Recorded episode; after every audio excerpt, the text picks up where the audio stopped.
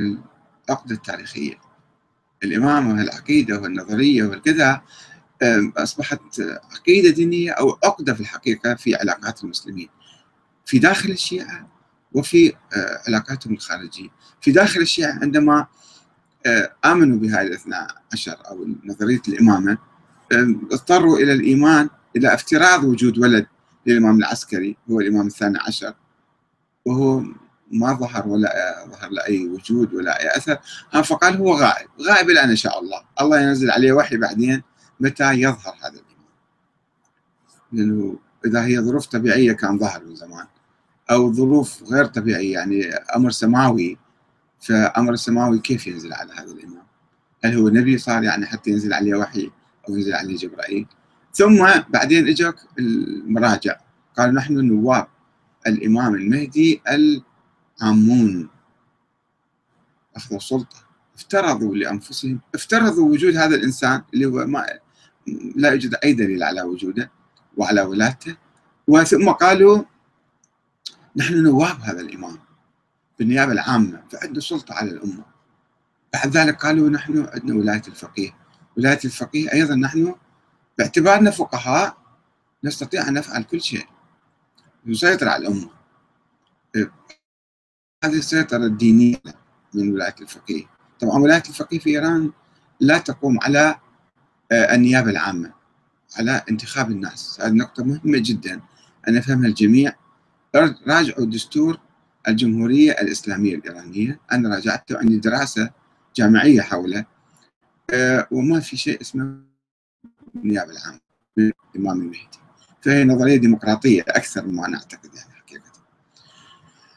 حقيقة للإنصاف لازم واحد آه، يقول هذا الشيء.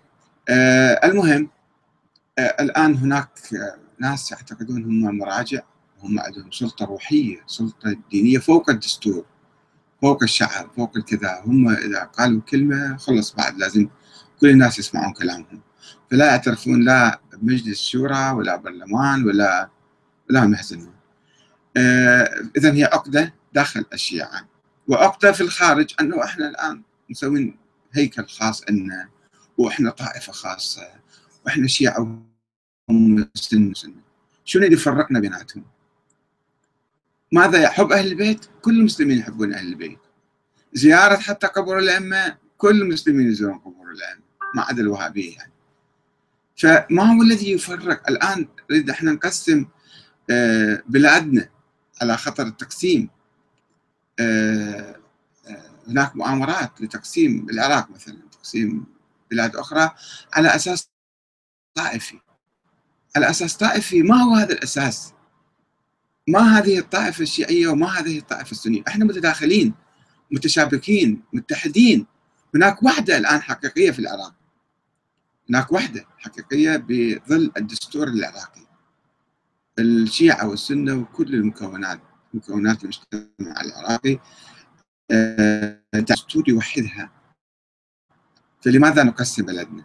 إحنا مو مقسمين بس باقي بعض الأفكار التاريخية التراثية الدخيلة على فكر أهل البيت هي التي آه، يعني تثير نوع من الحساسية أو نوع من الانقسام النفسي أو الانقسام الاجتماعي مثلا. على هامش أنا قلت لكم المجتمع العراقي أنا اؤمن هذا الشيء. ان المجتمع العراقي الآن موحد ما في شيء اسمه انه الشيعة لأن الدستور لا يفرق. أهم شيء الدستور. الدستور ما يفرق بين شيعي وسني. وكل الناس ينتخبون كل الناس يشاركون في العملية. ولكن تبقى بعض القواعد الخلفية بعض الأفكار التي قد تعقد العملية الديمقراطية. ولذلك لم نستطع أن نقيم نظاما ديمقراطيا آه، جيدا ومثاليا لأنه عندنا مخلفات ثقافية سلبية طائفية تعقد الحالة كما أنه عند بعض المتطرفين السنة مثل داعش أو الوهابية الذين لا يؤمنون بالدستور ولا بالديمقراطية ولا بالانتخابات ولا بالشعب ولا بأي شيء يريدون أن يسيطروا على السلطة بالقوة والإرهاب.